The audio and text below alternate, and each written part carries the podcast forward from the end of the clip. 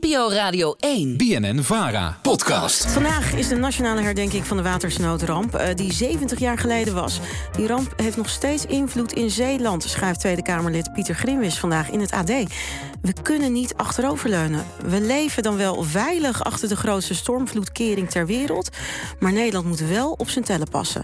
Daarom eh, komt Kamerlid Grimwis en voormalig adviseur van de Delta-commissaris, want dat was hij ook, met drie lessen voor de toekomst om zo'n ramp te voorkomen. Goedemiddag, meneer Grimwis. Goedemiddag. Ja, uh, voordat we naar de lessen gaan, even uw eigen verhaal. U bent een uh, geboren en getogen Zeeuw. Uh, maar in 1953, ten tijde van de waternoodramp, was, was u er nog niet. U bent uit 79, heb ik begrepen. We zijn leeftijdsgenoten. Wat heeft u tijdens uw leven gemerkt?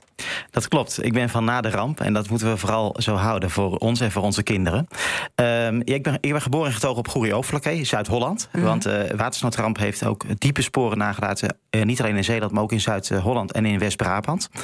Ja, en ik kan me levendig herinneren de verhalen van, van mijn vader en mijn ooms. Hoe, ze, uh, ja, hoe die duinen bijna op een haar na waren afgekalfd en weggeslagen. Hoe ze uh, als jonge jongens zandzakken hebben gesleept om gaten in de dijk te dichten. Hoe de dieren rond de kerk op die zondagochtend rond de kerk waren bijeengedreven. En hoe de dode dieren daarna ook massaal zijn, zijn begraven op plekken, bijvoorbeeld in de buurt van onze boerderij. Ja. Of van mijn moeder, jaren later, die in een verzorgingshuis werkte. En uh, dan, als het stormachtig weer was, dan was het altijd onrustig in huis. En dan, uh, omdat die mensen de slaap niet konden vatten, de ouderen, omdat ze nog levendig terugkeerden in hun herinnering naar die ene rampnacht van ja. 31 januari op 1 februari. En dat merkt u ook aan, aan uw moeder dus? Ja, zeker aan, aan, aan, beide, beide verhalen, beide ervaringen. Uh, zoveel jaren later, hè, die, die verhalen uit, uit een verzorgings- en verpleegtehuis. Ja, die laten eigenlijk zien dat het ankerpunt in de geschiedenis in Zuidwest-Nederland, in, in dit deel van Zuid-Holland en Brabant en Zeeland, is, uh, is de vraag eigenlijk: ben je van voor of ben je van na de ramp? Ben je van voor of van na de ramp in, in het dialect ah, van, van die streek? Ja. En ja, ik, ik ben van na de ramp, maar inderdaad, de opgave is en de opdracht is om dat zo te houden. Ja, u heeft net naar de herdenking uh, van de watersnoodramp gekeken en u wilde dit fragment laten horen. Een moeder in paniek op de vlucht voor het water stopt haar twee oudste kinderen op de zolder van de overburen in bed. Kort daarna ziet ze hoe dat gedeelte van het huis door de stroming wordt weggeslagen. De rest van de nacht brengt de vrouw samen met haar jongste zoon door op het overgebleven stuk van de zolder.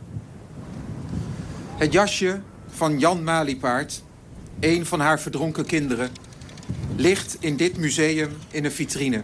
Ja, we hoorden hier de minister van Infrastructuur en Waterstaat, Mark Harbers. Waarom greep dit fragment u zo aan, meneer Grimmis?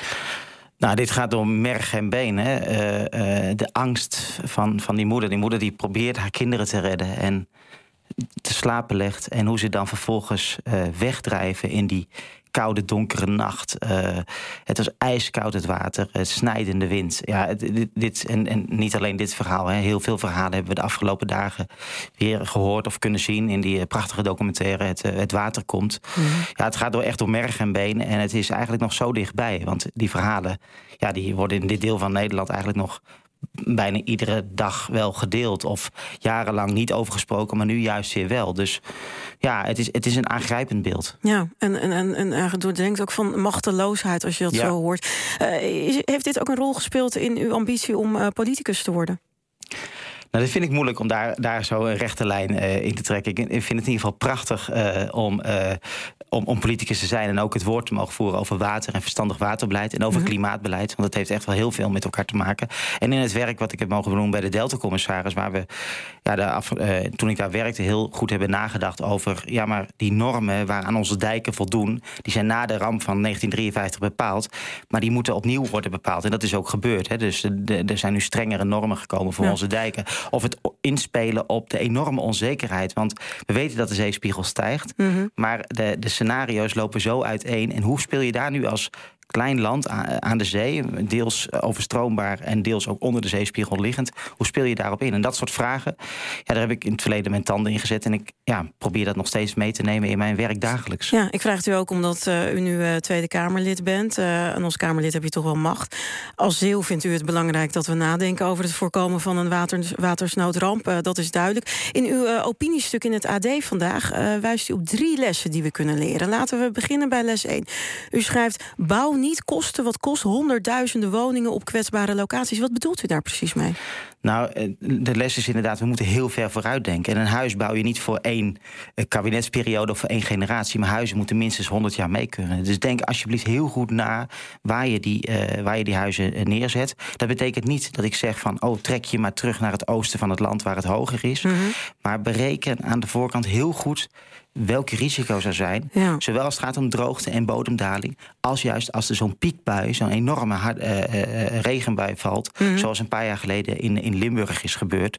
Als stel je voor dat dat in het laagste punt van Nederland gebeurt, kun je dan met dat water weg en woon je daar veilig. Ja, dat klinkt heel mooi en, en logisch ook als je het zo bedenkt. Maar we hebben een gillend woningtekort. Uh, uw collega Hugo de Jonge die zei vorig jaar maart het volgende erover dat we met elkaar afspraken maken over hoeveel woningen er moeten zijn. Nou, en we gaan op alle niveaus gaan we prestatieafspraken maken. En we gaan ook zorgen dat men zich aan die prestatieafspraken houdt. Met als resultaat 900.000 woningen tot en met 2030, waarvan twee derde betaalbaar.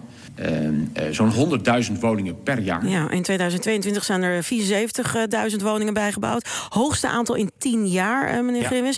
Maar u bent uh, het als Kamerlid van uw coalitiepartij dus niet eens met minister Hugo de Jonge, als ik het goed begrijp? Ja, er moeten gewoon heel veel woningen worden gebouwd. Want de woningnood is, is groot. Maar juist als de nood zo hoog is, ja. dan moet je niet alleen naar de korte termijn kijken, maar ook die lange termijn in het oog houden. En mijn pleidooi is, en Hugo de Jonge luistert daar heus ook naar. Mhm. En we hebben het ook afgesproken in, in, het, in het coalitieakkoord. Geef water en bodem in ons land de plek die je toekomt. Laat het sturend zijn voor je ruimtelijke ontwikkeling. En bouw dus alsjeblieft niet op kwetsbare locaties die je over 100 jaar bijvoorbeeld niet meer goed kunt beschermen. Ja, maar kan dat wel? Wat u wil, minder bouwen op kwetsbare locaties? Kan dat wel hand in hand gaan met juist meer en meer en meer bouwen om die woningnood tegen te gaan?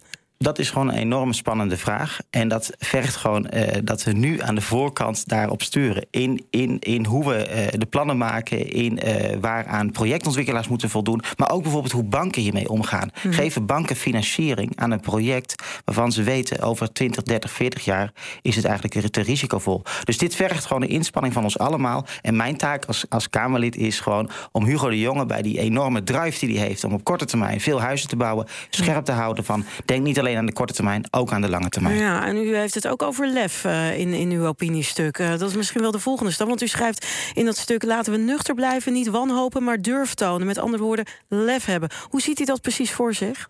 Nou, een risico is dat. Uh, kijk, ik snap heel veel mensen maken zich enorme zorgen over klimaatveranderingen. En ik ook. Tegelijkertijd moeten we niet wanhopen en ons dan maar terugtrekken in Hoog-Nederland en West-Nederland laten voor wat het is. Mhm. En een risico is, ook, een risico is ook dat we veel te lang gaan studeren. En op een gegeven moment moeten we wel investeringen durven te doen. En een voorbeeld daarvan is, ja, we kunnen rondom Dordrecht en Rotterdam is echt een heel kwetsbaar gebied in Nederland. En, we, en de dijken daar eindeloos verhogen is ingewikkeld. Dus daarom mijn idee van uh, denk ook na over bijvoorbeeld een extra kering, een nieuwe kering voor de Maaslandkering. Die wordt dan vaak de Hollandkering genoemd. Maar dat is een idee waarmee dit hele gebied een stuk veiliger kan worden. Ja. Dus niet alleen studeren, maar ook handelen. Ook handelen. Nou, ik uh, hoor uh, veel meer mensen daar best wel positief over. Hè. Die waterbescherming, daar moet, dat moet gewoon beter. Uh, weinig mensen zullen hier negatief tegenover staan. Waarom gebeurt dit dan nog niet?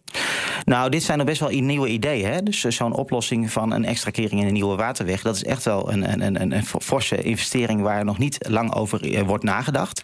Dat is één. En twee, in het Delta-programma... de Delta-commissaris denkt nu heel erg ook na... hoe moeten wij in de toekomst omgaan met die zeespiegelstijging... En zijn gewoon verschillende gedachten over, verschillende strategieën. Eén daarvan is je terugtrekken, een ander is juist richting zee ons beter verdedigen. En een ander is gewoon doorgaan met wat we nu, doen. En het risico daarvan is dat we daar te lang op studeren en dan in de tussentijd vergeten te handelen. Dus dat is mijn pleidooi. Speel slim in op veranderende omstandigheden. Uh, maar vergeet niet in de tussentijd uh, goede investeringen te doen in onze waterveiligheid. Waarvan akte, dank u wel. Pieter Grimwis, Tweede Kamerlid van de ChristenUnie en voormalig adviseur van de Delta-commissaris. NPO Radio 1. Natasha Gibbs, de Nieuwsbv.